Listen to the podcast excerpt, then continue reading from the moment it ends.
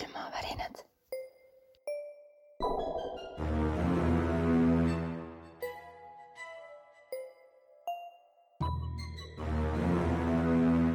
külmavärinad. tere, head külmavärinate kuulajad, me oleme tagasi. mina olen Dagmar. kust me tagasi oleme me oleme tagasi väikselt pausilt selles mõttes, et me salvestasime mõned nädalad tagasi. Meie jaoks on olnud paus, mitte kuulajate jaoks. aa, seda ma mõtlesingi, et mm -hmm. ei ole ju. tere, mina olen Heidi. tere, Heidi! ja ähm, me hoiatame nüüd kohe ka ette, et äh, jaanipäeva saade jääb natukeseks ajaks viimaseks, sest me läheme väiksele puhkusele. paar nädalat, paar nädalat, ausalt, mitte väga kaua, et ei pea ootama, et äh, et kogume natukene energiat ja head energiat. head energiat ja kogume natukene loodetavasti kõhedaid kogemusi. Mm, me tegime Instagrami laivi, kus me rääkisime sellest, kuidas äh, mina nägin ghost hunt imisel esimest korda nüüd äh, päriselt kogu mm. -hmm. sa vaatad mind niisuguse näoga nagu, et ja räägi, räägi, ja, ja. mina ei näinud, vaata ma olen kade ma, ja mida rohkem sellele mõtlen, seda kahtlasem see tundub, aga ma ikkagi püüan ennast siis alati sellel kahtluse hetkel tagasi viia sinna hetke, et et see ikkagi juhtus reaalselt. Ma arvan, et selleks hetkeks, kui see saade on eetris, äkki on siis ka juba meil video valmis, ma ei tea. tähtsad ninad kolmandal korrusel täna hommikul ütlesid, et seal äh, majas, kus me käisime neid asju luuramas, et seal on ilmselgelt kaabuga tüübid täiesti olemas. muidugi on mm. -hmm. ja mina seda kaabuga tüüpi nägin, nii et äh, hoidke siis silmad lahti, kui tuleb kummituse küttide uus video, me kindlasti ka sellest anname teada oma sotsiaalmeediakontodel. Aga tänane saade on äh, vaba valik ja selles mõttes niisugune mäng hakkab siis, et meil hakkab Heidiga mäng, kas meil tuleb teema või ei tule, kuulajatel on juba teada, kas tuleb või ei tule kumb meist alustada tahab? mitu lugu meil on? palju vist. palju, kui sul on palju, siis äh.... ei, mul on nagu see oot, mul on üks äh, lugu, mille ma leidsin täiesti kogemata, ma tean seda lugu, ma arvan, et tegelikult paljud teavad seda lugu, aga see lugu rikkus mu elus minu jaoks isiklikult ühe asja täiesti ära. no siis räägi see lugu. arvad jah mm? -hmm. Oh, arvad jah? okei okay juhtus siis selline asi Tartus. Vana hea Tartu mm. -hmm. Raatuse kakskümmend kaubanduskeskus. vana hea Raatuse kaubamaja mm. -hmm. parklas. kus I am fucking sorry, et ma jälle siia vahele segan. hakkab pihta praegu, eks ole, on kuumalaine või kohe-kohe hakkamas kuumalaine ja ma just mõtlesin selle peale, kuidas ükskord ma töötasin siis Raatuse ühikas, mis oli Raatuse kakskümmend kaks, ehk siis seal kohe selle kaubanduskeskuse kõrval, ja oli jõhkralt palav ja ma tellisin takso endale sinna kaubanduskeskuse parklasse mm -hmm. ja mul on nii hästi meeles see pilt, kuidas ma istusin taksosse, nii palav oli, et higi lahmas ja siis ma ütlesin taksojuhile, et noh, et andke andeks umbes, et ma tellisin teid. kuigi väljas on ilus ilm, aga lihtsalt ma ei talu nagu palavust ja siis ta ütles, et eestlastel ongi niimoodi, et äh, nii kui kuumaks läheb, siis taksohinnad hüppavad lakke, noh mm -hmm. nüüd siis hinnad on ja siis ei hüppa midagi lakke, aga lihtsalt tellimused, et äh, külma me talume, palavust mitte seda on tore teada aasta kaks tuhat kümme. siis ma vist juba kolisin peaaegu Tallinnasse mm. -hmm.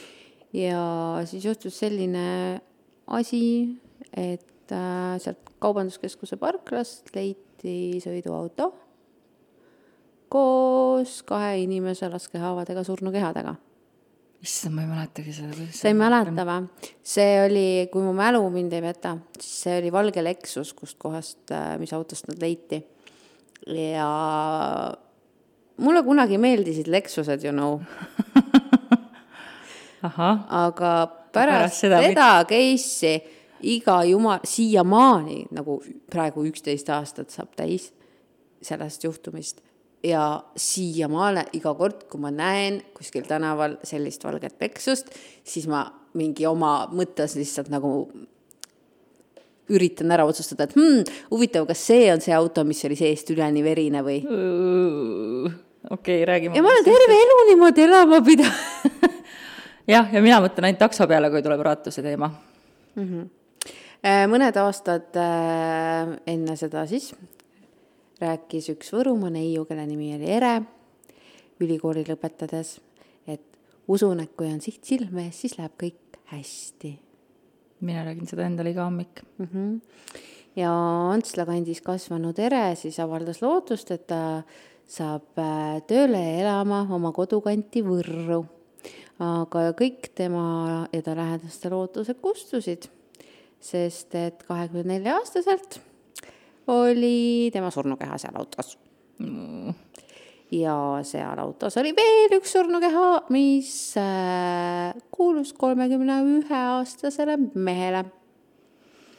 Aa, võib-olla selle looga oleks pidanud Triggerit ka karjuma. ma arvan, et kogu meie saatega peaks üks suur trigger, trigger nii, äh, surnukehad avastas autost möödunud meesterahvas, kes siis alguses oletas, et inimesed lihtsalt magavad seal no as you do selles mõttes, et aga samas Raatus on väga niisugune pidune kant, et seal tõesti mm, vahepeal inimesed juhtuda, magavad, jah. Mina ju tean, ma olen kaks korda elus Tartus käinud. Aga siiski see mees äh, arvas, et äh, asi on kahtlane ja otsustas igaks juhuks politseisse helistada. ja siis politsei tuli, vaatasid sündmuskoha üle ja pidasid kõige tõenäolisemaks seda, et kolmekümne ühe aastane mees lasi selle kahekümne nelja aastase naise maha ja seejärel tulistas iseennast. kuidas meil neid Tartus siuksed, Tartus just juhtuvad siuksed asjad? ma ei tea. E, sest et igasuguseid viited nagu puudusid, et seal mingid kolmandad isikud oleks mängus olnud. ja kuna sündmuspaigale tuli tohutu hulk igasuguseid uudishimulikke inimesi. sest see on ühika kõrval muidugi. Siis viidi see kuradi valge Lexus parklast ära koos selles olnud surnukehadega ma loodan, et seda oleks niikuinii tehtud, hoolimata sellest, kas inimesed tulevad või ei. Äh, noore selle Ere sõbranna siis äh, rääkis äh, saates Reporter sellest asjast. Ja ütles, et see oli väga suur šokk tema jaoks, et selline asi juhtus ja et kõik, kes Eret tundsid, on äärmiselt löödud. Ja sõbranna sõnul oli siis Ere hästi tark ja ennast ise üles töötanud ja siis ka see Lexus oli tal oma tööga välja teenitud, mitte mingisugune boyfriend'i mm -hmm. masin, eks ju. ja nemad siis äh, arvasid seal, et mees võis äh, roima ja enesetappu toime panna purjus päi, sest teinekord oli ta väidetavalt äh, joobnuna või siis viinastunud olekus ettearvamatult käitunud ja nad olid omavahel ka siis varasemalt väga palju tülitsenud. ja Ere oli hästi sihikindel inimene ja kui ta ülikooli kunagi lõpetas, siis äh, selle ülikooli lehele ta ütles, et ta kavatseb kindlalt edasi õppida ja siis ta tahab kodukanti naasta ja magistrisse minna ja, ja ühesõnaga tal oli siht paigas mm -hmm. ja ja siis äh, ta rääkis veel lehele sellist asja, et isa ütles, et nüüd on mu lapsepõlv läbi, järgmised kakskümmend viis aastat on hoopis teistsugune elu. Mm.. kas ta kahtekümmet viite aastat järgmist ei tulnudki, tuli ainult kolm. ja Ere mängis lisaks veel klaverit, luges hästi palju klassikalist kirjandust ja oli äh, mingisugune tohutu autohuviline ilmselgelt jah. miks? no et sa teenid raha, et osta Lexus, et. aa, selles ja. mõttes ja, ja. aga tema lemmiksaateks oli Top Gear ja see teine surnu, kes sealt autost leiti äh,, oli siis pärit Kagu-Eestist, Põlvamaalt ja põhimõtteliselt see case siis algas sellest, et Ere soovis oma elukaaslast maha jätta tüüp muutus armukadedaks. ja jah, siis mees tappiski selle naise ära ja siis iseenda ka. no vot, et ikkagi jälle järjekordne näide sellest, et miks öeldakse, et lahkumineku hetked on vägivaldsetes kontrollivates suhetes kõige ohtlikumad mm, -hmm. sest mhm. siis ongi reaalselt kõige suurem surmaoht, paraku kusjuures kummaline on nagu see, et keegi ei tea, kust ta selle relva sai, sest et see relv ei olnud äh, äh registreeritud. ja, ja see väidetavalt ei kuulunud ka sellele mehele. ühesõnaga täielik müsteerium ikkagi, nii palju lahendamata asju veel. jep, jep. vot sellepärast, selle kõige pärast see lugu jäigi mul kummitama ja reaalselt see ongi üks lugu, mis on kogu aeg kaasas, vaata mm. -hmm. ja lihtsalt, kui ma nägin seda, kui ma lugusid otsisin, siis mõtlesin nagu pagan nagu et sellest ei olegi veel rääkinud? ma ei olegi rääkinud sellest, aga ma olin nii kindel, et kõik teavad, aga sina praegu. ei, no ju ma ikkagi teadsin, aga noh, mul oli kaks tuhat kümme niisugune aasta, kus, äh, millal see oli, mis kuus? see oli meil, oota, oota, oota, juuli alguses jah, et mina juuli alguses plaanisin oma pulmasid näiteks, sest ma ju abiellusin ja, ja siis ma olin ka ju rasedaks jäänud juba vist ja kuidagi noh, tähelepanu oli kõik mujal. aga ju jah, jah, mul üldse kahekümnendaid on raske mäletada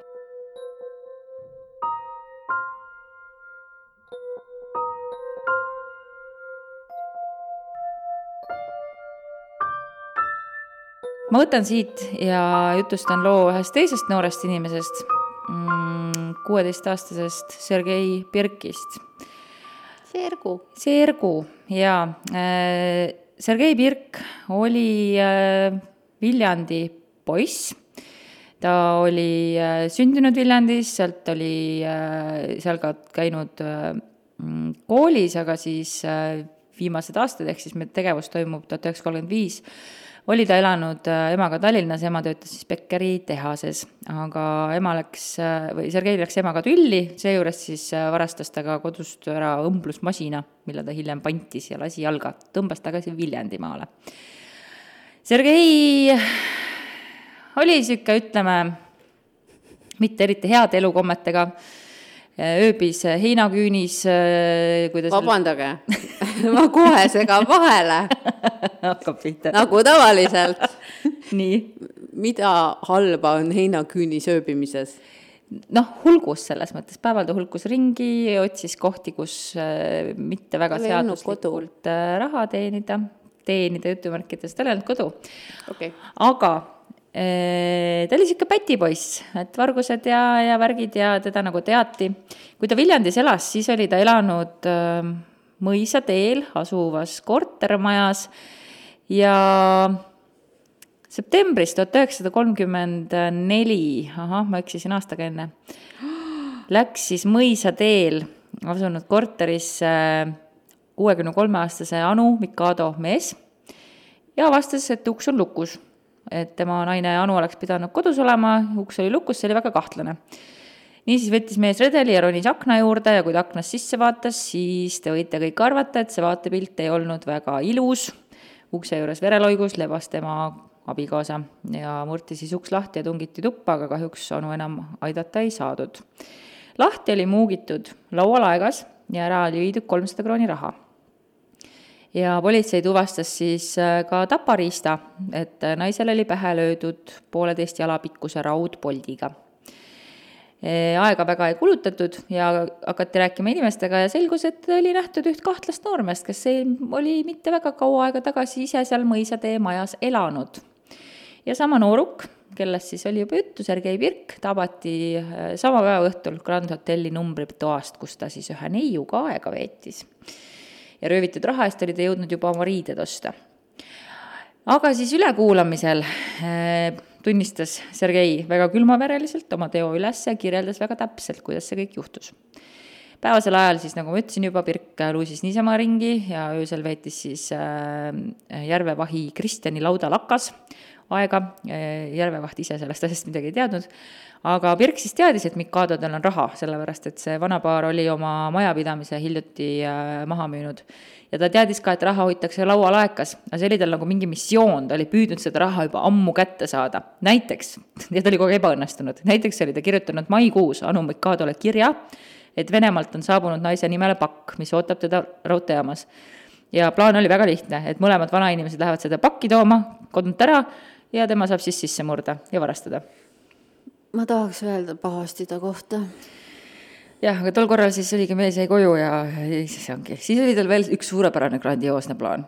ta oli siis septembri alguses palganud äh, endale auto, äh, et sõita mingisse äh, tallu, aga kõigepealt ta siis sõitis hoopiski mõisateele, kus ta siis ulatas Anu, Anu Mikadole kirja, järjekordselt on nagu mingi Nigeeria prints milles seisis, et et tulge minuga kaasa, kriminaalpolitsei ootab teid isikutuvastusele. kusjuures väga huvitav on see, et, et seal lehes oli kirjas, naine õnge ei läinud, aga su naabripoiss tuleb nagu mingi kirjaga. ei ütle sõnagi, annab sulle kirja, tulge minuga kaasa.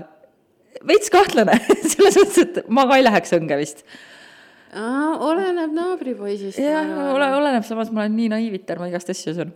mõtle, kui põnev see on, come on, sa ei saa öelda, et sa ei teeks seda, ole nüüd Äh, noh jah, kuuekümnendates palju seal põnevust on, aga suvel oli ikkagi, Pirk oli käinud tööl ka, et ta oli karjane olnud ja siis ta oli seal naabertalu teenija Saaremaa tüdruku Elizabeth Lukiga tutvunud ja, ja siis ta oli ka Lukile igasuguseid äh, meil Tartus öeldi omal ajal spagetikesi kõrva külge riputanud see on mingi raatuse släng või? Karlova släng Jeesus. aga siis selle teisipäeval, kahekümne viienda septembri hommikul võttis Pirk auto, sõitis Kaarlile, minu isa muideks elab Kaarlil, tõi oma pruudi Viljandisse, peatuti Grand Hotellis ja see oli siis muidugi üks Viljandi nooblimaid võõrastemaju. sealt siis sõideti Koidu tänaval asuvasse Mutli daamide salongi, kus daamide siis salong. ja Elizabeth Lukk vuntsiti ülesse. Aga Pirk vaatas, et kurat, kurat, siin raha muudkui kulub, on vaja raha juurde ja siis ta võttiski selle poolemeetrise raudkangi kaasa ja läks siis nelja-viie paiku Mikadode korteri juurde. Äh, kuulatades siis ta kuulis, kuidas mees äh, korterist väljub ja, aa ei, ta kuulis, et naine väljub korterist ja võti riputati nogi otsa.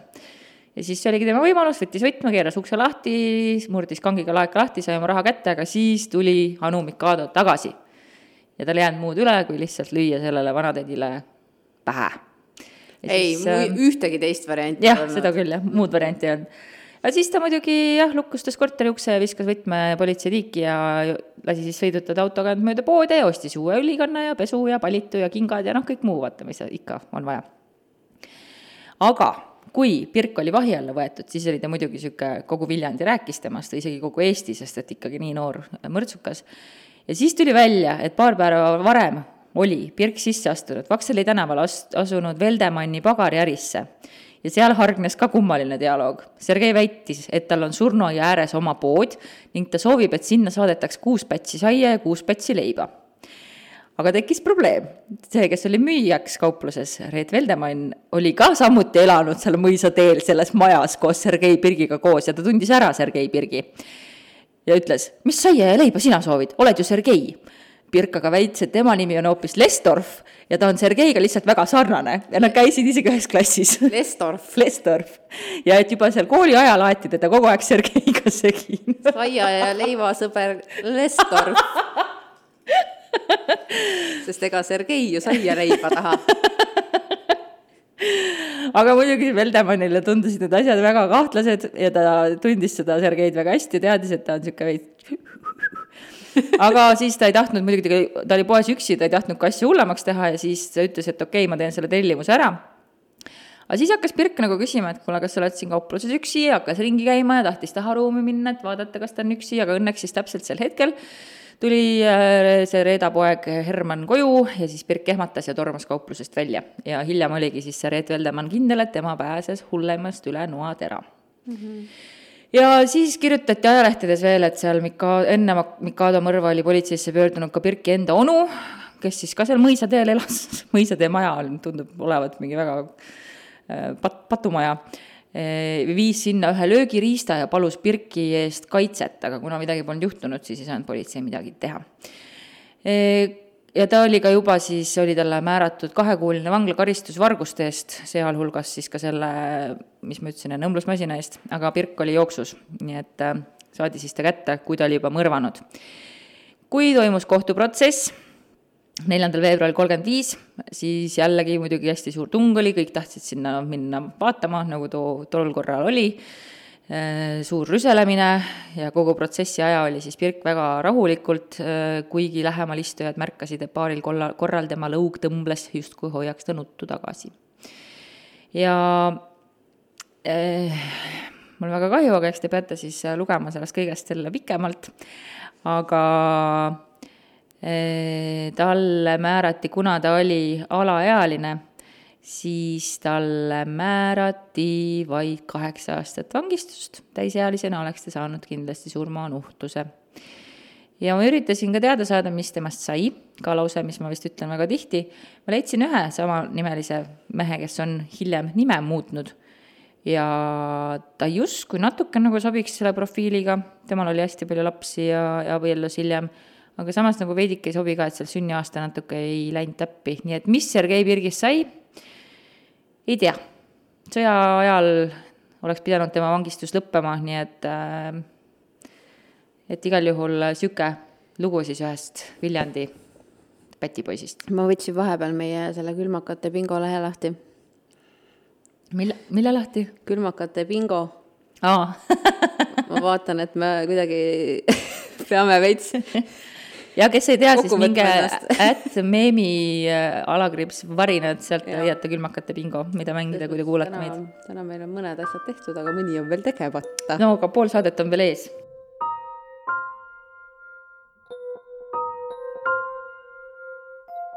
ma teeks ühe kummituse siia vahele hea meelega. no tee.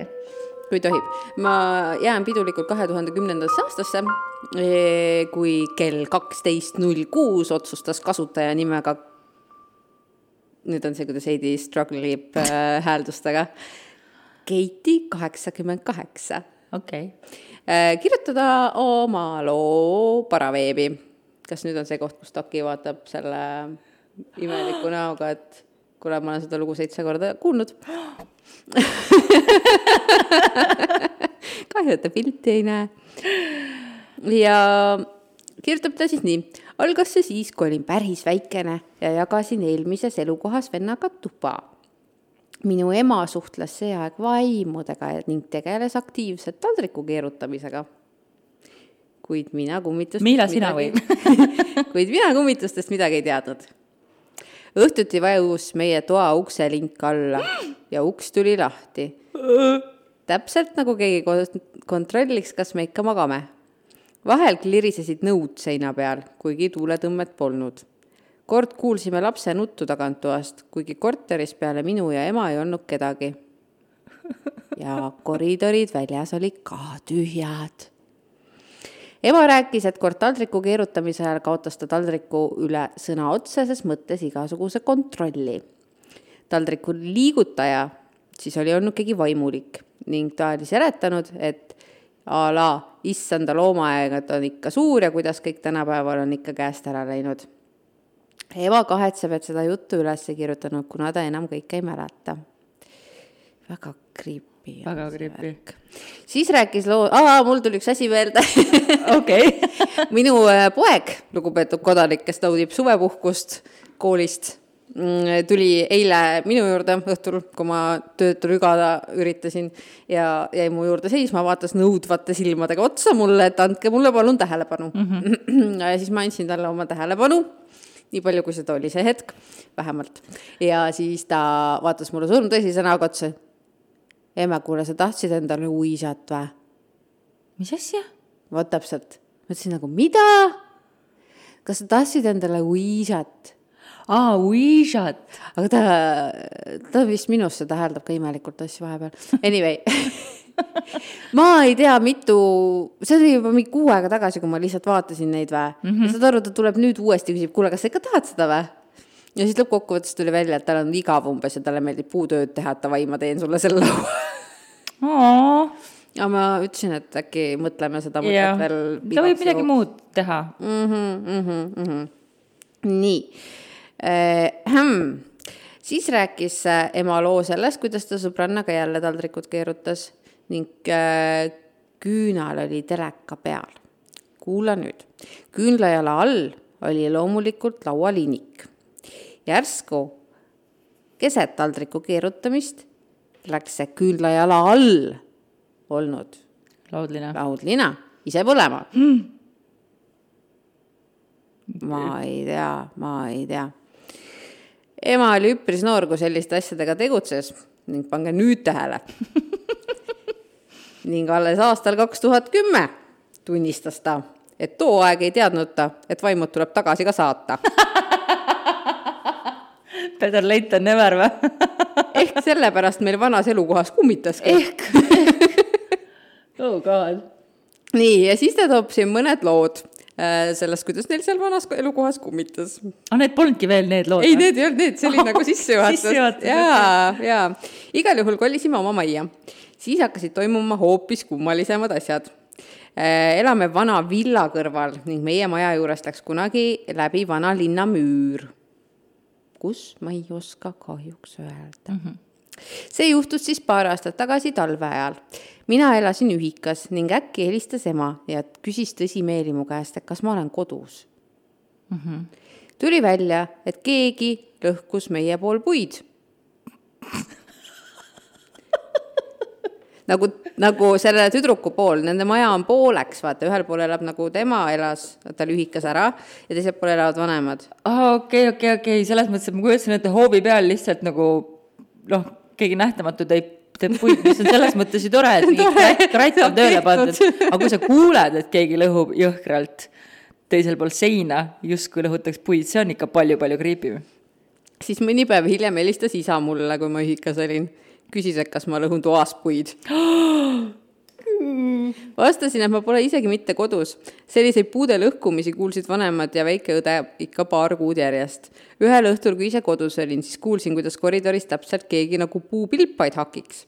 kuid sel hetkel ei pööranud ma sellele erilist tähelepanu aga miks keegi vaatama ei läinud? ma ei tea, mõtlesin, et ju siis isa teisel pool oma koridoris teeb seda värki. nii mm, -hmm. läksin mõne tunni pärast vanemate juurde ja esimene asi, mis mulle osaliseks sai, oli isapoolne sõim, et äh, mina olevat parketi peal puid lõhkunud.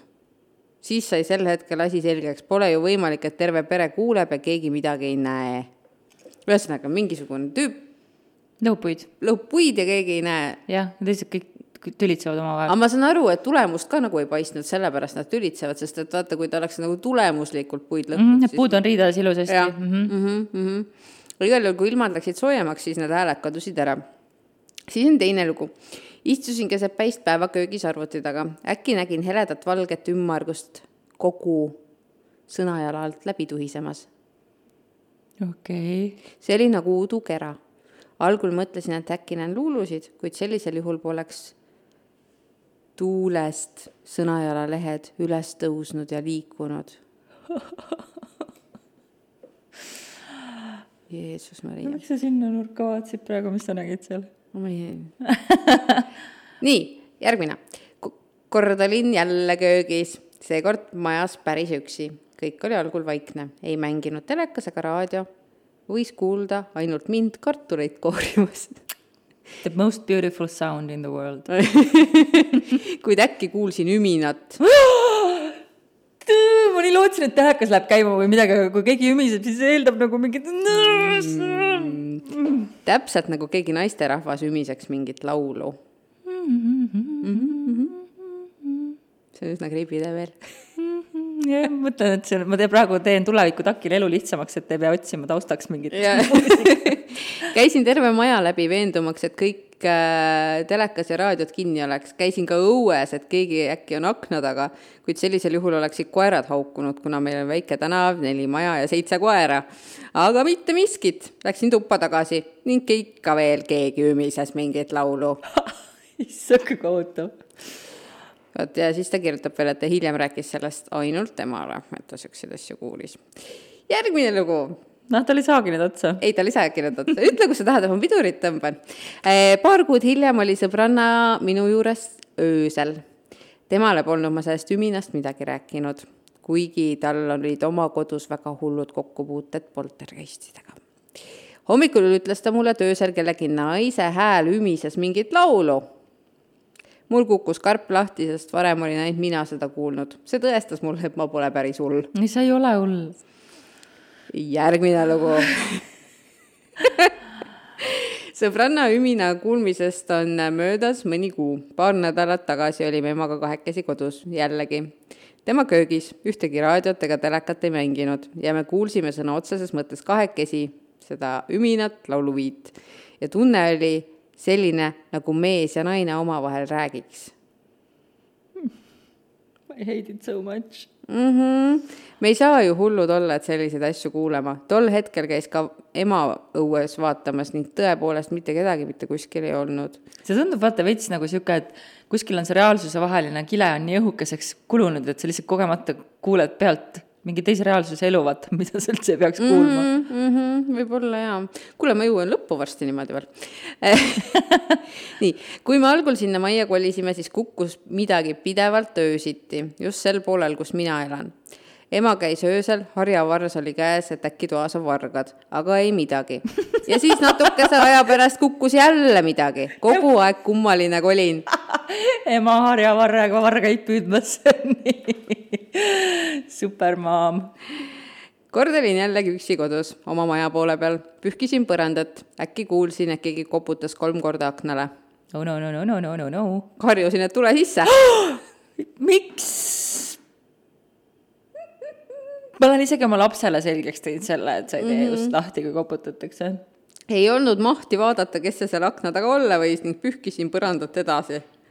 möödus minut-paar, siis mõtlesin, et huvitav, kedagi ei tulnud sisse. tuli, tuli, ära muretse. nii kui koridori köögivahelise ukse poole astusin, vajus uks ise lahti.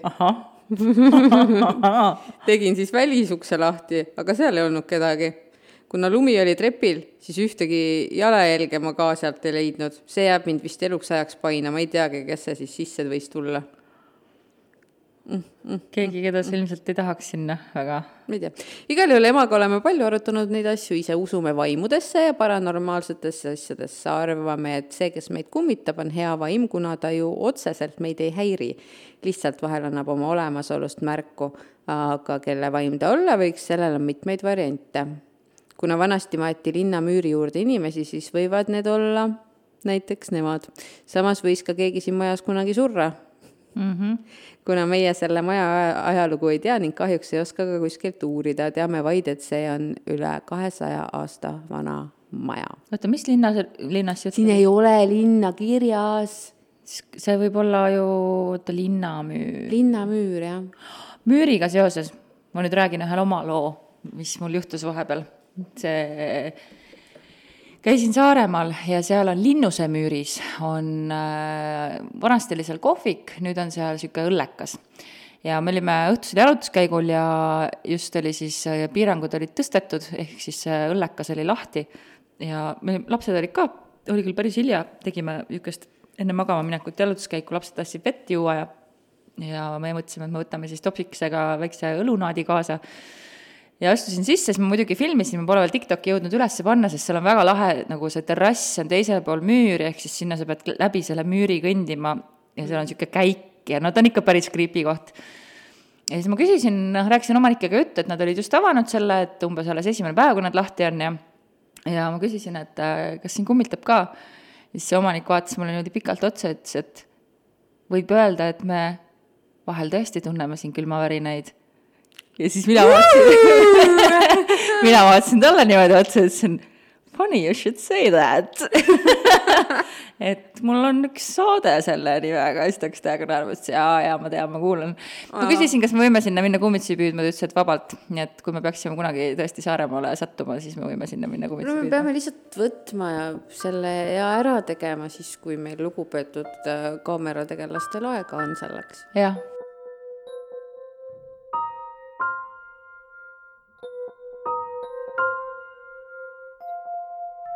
aga mul on ka üks väike lühikene krimilugu veel, meil on kümmekond minutit saate lõpuni. oota, kuidas see oligi, oota, oota, oota, oota, ma jõuan ühe veel. Ma tahaks tegelikult kaks jõuda, mul on üks veel. Aga äh, pealkiri on selline, abiellumishimuline rauk tappis bussiga oma väimehe. siin on palju, on ju, siin on palju, mida lahti pakkida. küsimusi viieteistkümnendal jaanuaril tuhat üheksasada kolmkümmend kuus toimetas Võru kriminaalpolitsei Võru vanglasse Võrumaal Vaabina vallas Utsali külas elutseva seitsmekümne viie aastase Peeter Prätsi. vanakesel lasus veresüü. nimelt siis esmaspäeval, kolmeteistkümnendal jaanuaril Lepiku talus äh, tuli neljakümne aastane Jakob Lusbo Antsla laadalt Luspo oli väga ägeda iseloomuga ja oli siis ka niisugune tülinorija ja Ants Laadal ta tõenäoliselt oli siis ka kergelt niimoodi napsutanud. viinastunud. viinastunud olukorras tema äiapapa Peeter Präts juba magas, aga Luspo läks teda tülitama. vanake siis tõusis sängist ja et tütremeest endast eemale peletada, haaras laest pika sea tapmise noa ja jäi voodi otsa juurde seisma ja siis tuli see Prätsi tütar ehk Luspo naine tuli vahele, et tahtis isalt nagu bussi käest ära võtma, võtta, aga siis kargas vanamehele kallale ka väimees, haaras tal kõrist ja hakkas kägistama. ja siis ei olnudki Prätsil muud teha, kui noaga välgutada ja lõi sellega Luspole rindu. aga surm oli silmapilkne, kuna pikk noatera siis läbistas rinnakorvi ja tungis otse südamesse mm. -hmm. ja enda seletuse järgi tahtis siis Prätso, Präts Präts Luspot vaid hirmutada ja vaatas äh, selle Prätsi üle ka doktor Berk ja kinnitas, et tal tõesti on kägistamisjäljed. nii et äh, vanake juba samal päeval vahist, vahi alt vabastati, kuna siis tapmine sündis enesekaitsel aga Päevaleht näiteks kirjutas, et asi ei olnud mitte nii, et lihtsalt see Luspo seal noris tüli, vaid et tegelik peremees Lepiku talul oligi Peeter Präts ja noored elasid siis isa armust seal katuse all aga Präts, seitsmekümne viie aastane Präts tahtis uuesti abielluda. aga tütar ja väimees ei olnud nõus sellega, sest siis nad oleksid ilma jäänud oma ulualusest. ja siis äh, teise versiooni kohaselt oligi siis niimoodi, et tegelikult läks äiapapa jälle selle oma abiellumisjutuga ja siis see oli nagu Luspo närv ja enda siis sealt tuli see seis. kuidas täpselt oli, ei tea, aga abiellumishimuline igal juhul see vanake oli ma lihtsalt ütlen vau aga vahikus ikka elati siuksed tundelised Võru mehed. tundeline Võru mees aastal tuhat üheksasada kolmkümmend kuus.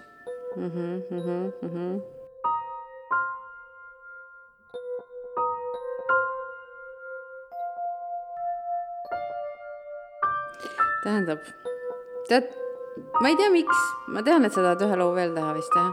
tahad, jah? mul on, ma mõtlesin jah, et ma teeks ühe para ka okei okay,, aga kas sa annad mulle mingi kolm minutit ma võin sulle isegi viis minutit anda. aa, lausa niimoodi. ma tegelikult äh, esiteks vabandan kohe ette, sellepärast et see, mis nüüd ettekandmisele tuleb, ma ei plaaninud seda üldse teha äh, okay.. ma leidsin selle eile, ma saatsin sellele, selle edasi ühele inimesele, kellega koos me tegime eile ühte lugu mm. -hmm. lihtsalt sellepärast, et siit loost käib läbi sama perekonnanimi samas või sarnases võtmes, nagu päev otsa me tegelenud olime. ühes loos, mida sa teed praegu mm, -hmm. aga kas see on sama inimene ah?? on see sama inimene? no vist ei ole, sellepärast et lugu, äh, millega meie tegelesime, oli nagu värske mõned kuud mm. -hmm. aga selle ma leidsin äh, tuhande üheksasaja kaheksa, kahekümne kaheksanda aasta ajalehest kahekümne esimese märtsi ajalehest, kus siis äh, Äh, noh, ma muidugi tegin copy paste'i siia aga see, see, see side lihtsalt, et ma just eile leidsin selle siis loo. sa pead rääkima selle. mulle tundub, ma ei tea, miks, aga ma proovin, sest et see on selles vanas ägedas keeles. mina jälle väga loodan, et see pole ükski neist nimedest, sest et mul on jaanipäeva saates kõik kahekümnendate lood. on või mm? -hmm. aga see on nii sutsakas, väike, ma ei usu elu sees. no muidugi, kui ma oleks otsinud juurde, siis ilmselt see oleks olnud. jah, see on rabbit hole, rabbit hole. aga kahekümnendal märtsil siis kirjutati niimoodi, et äh, täna kell neli teatati kriminaalpolitseile, et üheksateistkümnendal märtsil tapnud Petserimaal talupidaja Sprenger mm. -hmm. Õnneks ei ole samad nimed juba. viiekümne seitsme aastane mm. -hmm. oma naise Katariina, kes oli viiekümne kuue aastane Sprenger, kes oli vallavanema abi, need kaks siis V-dega, by the way. muidugi. oli eelnimetatud päeval naisega tülli sattunud. pärast tekkis veel tüli noorema poja pärast, kes ilma loata oli metsa hulkuma läinud. Sprenger läinud poissi otsima, viimane jõudis aga enne koju ja tagasi jõudis leidi, tagasi jõudes leidis Sprenger toa ukse enda ees avatult. ja siis kui ta jõudis, siis hakkas naine teda sõimama. okei okay. mm. -hmm. nii. Sprenger haaras teiba ja läks uksest sisse. toas siis tekkis rüselemine mehe, naise ja noorema poja vahel. pärast tuli veel vanem poeg emale ja nooremale vennale appi. siis haaras Sprenger taskust ma ei tea, mis asi see on, Nagan süsteemiline revolver. Nagan Nagan või mm? -hmm, Nagan on noh, nagu Browning okay. liik või nimi, bränd. ja Sprenger lasi sellest äh, revolverist siis naise pihta kaks pauku, mis purustas naise pea ja ta langes kohe surnult maha. ja räägiti siis, et naisel olnud olla tegelikult vahekord ühe teise mehega mis puhul äh, siis äh, Sprenger oli teda ka juba varasemalt äh, tappa ähvardanud. fantastilised mehed. nüüd saatis ta oma ähvarduse siis ärritanud ja viinastunud olekust täide. jaa, aga see perekonnanimi, come on, come on. aa, jaa, ei, ma saan aru, et sul on side, aga lihtsalt see on jälle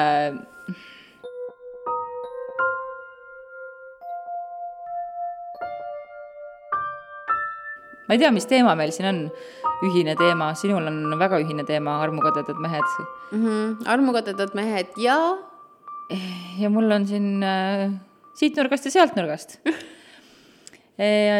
ja kummitused on sul ka, nii, aga vaatame ja. siis, mul tegelikult, äh, ma tahtsin lugeda äh,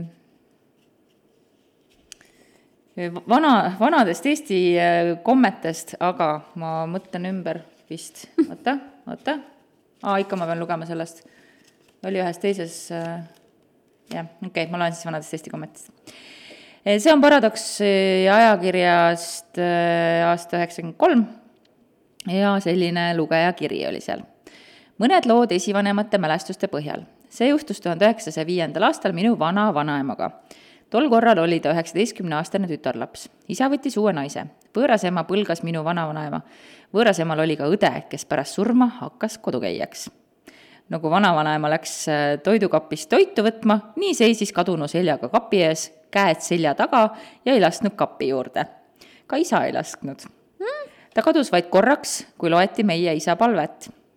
kasuema seda ei uskunud, sest temale kadunud õde ei ilmutanud.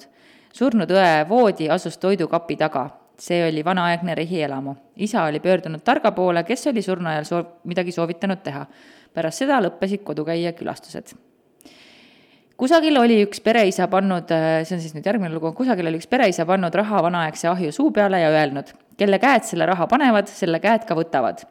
pärast mehe surma läksid pojad seda raha matmiseks võtma, kuid ei leidnud. ometi nägid oma silmaga, kuidas isa oli raha sinna pannud, mida teha üks poegadest nii mul meenub, miks ma selle olen ära märgistanud nii, nii. üks poegadest võttis surnud isa sülle teine võttis isa käe ja pani ahju suu peale ja nõnda said pojad matuse raha isa käega kätte. isa pani loitsu peale, noh. et see, kelle käsi paneb raha, selle käsi võtab mm. -hmm. keegi teine ei võtta kujutad sa ette, sa tahad raha? ei, ei nii, teine lugu samast vallast. suri suure talu peremees. Nendel oli olnud neli hobust tallis, üks pereisa isiklik.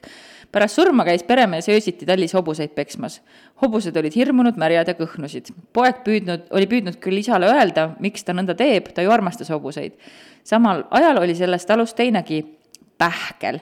oli vana maja, kus elas peremees ja uus maja vanamaja ei olevat peremees lubanud ära lõhkuda, pannud enne surma kolmeliitrise purgi meega truubi peale. keegi teine ei tohtinud tema mett puutuda, kui pereisa ise ei pakkunud. pärast surma läinud poeg meepurki ära võtma, kuid tuba läinud paksu suitsu täis. kutsutud külarahvas kokku, seotud pojale käi-, köis ümber ja ta läinud uuesti majja, kuid nagu käega purki puutunud, läinud tuba taas paksu lämmatavat suitsu täis. poeg pistnud karjuma ja ta tõmmatud majast vaevu välja proovinud nii veel mõni mees, aga asjata. lõhutud siiski maja maha, aga ahi koos truubi ja meepurgiga seisnud kindlalt nelja tuule käes. Võru kandi tark oli andnud nõu, võtke surnu hauast välja, lööge pea maha, pange vastupidi jalgade vahele ja matke uuesti maha oota, mis asja, võtke pea maha, pange pea jalgade vahele ja matke maha või? jah, et sul võetakse pea maha ja siis see pannakse siia jalgade vahele ja siis pannakse uuesti auku seda kusjuures äh, niisuguseid äh, äh, arheoloogid on lahti kaevanud selliseid haudu. ma saan on, sellest yeah. aru, aga selle peale on ikkagi valus mõelda. aga siis nõnda nagu öeldud, nõnda ka tehtud ja jäid hobused alles ja pojad said ka meepurgi endale peaasi jääb mida sa kõike selle meepurgi nimel teed? ja nüüd ta lõpetab kirja nõnda, et äh, kommetast tean veel, et enne surnud hoonelasse viimist tehakse kodutöö lõppu puu sisse rist, siis ei saavat surnud inimese vaim kaugemale tulla. tavaliselt on selleks kuuse ja männipuu, risti on ka kivi sisse tehtud. Ja luupaine vastu on ka rohi olemas. Kui luupainaja öösiti vaevab, siis tuleb panna meeste püksid ööseks voodi kõrvale toolile. sinna pidavat luupainaja ära eksima teate, ma võin öelda, et ma ka hea meelega eksiksin meeste pükstesse. aga siis sellega on lihtne, et ma pean endale magamistuppa organiseerima voodi kõrvale tooli esiteks. ja seda ei tohi ju teha, sest et kui sa paned tooli, siis nad hakkavad istumas käima seal. sul ei tohi olla magamistoas tooli. see on ka üks uskumus, jah. no kurat, aga kuhu need püksid siis pannakse, kas põrandale nagu loeb ka või? Ju siis põrandal peab olema jah, et ta siis tuleb ja siis ta koperdab sinna ja siis ta jääb sinna kuidagi, ma ei tea. okei okay,, siis ma pean härrale ütlema, et ta seda püksata magamise värki veits tõsisemalt hakkaks võtma. jah, just. ja pangu siis meepurk ka kuskile ja, ja ühesõnaga, väga palju on siit õppida. aga külmavärinad, et gmail.com ootab ikka teie lugusid, sest kui me tuleme puhkuselt tagasi, siis me tahaksime lugeda kõik teie kirju, kirju, kirju, kirju. hästi palju. hästi palju, hästi palju ja jaanipäeva saade tuleb eetrisse erilisel korral kaks päeva varem, ma juba kolmapäeval, kahekümne kolmandal panen selle teile kõrvadele kuulamiseks valmis mm. -hmm. et siis oleks kuulatud. et oleks kuulatud olgu, kohtume järgmine nädal ja siis juba juulikuus. püsige kõhedad.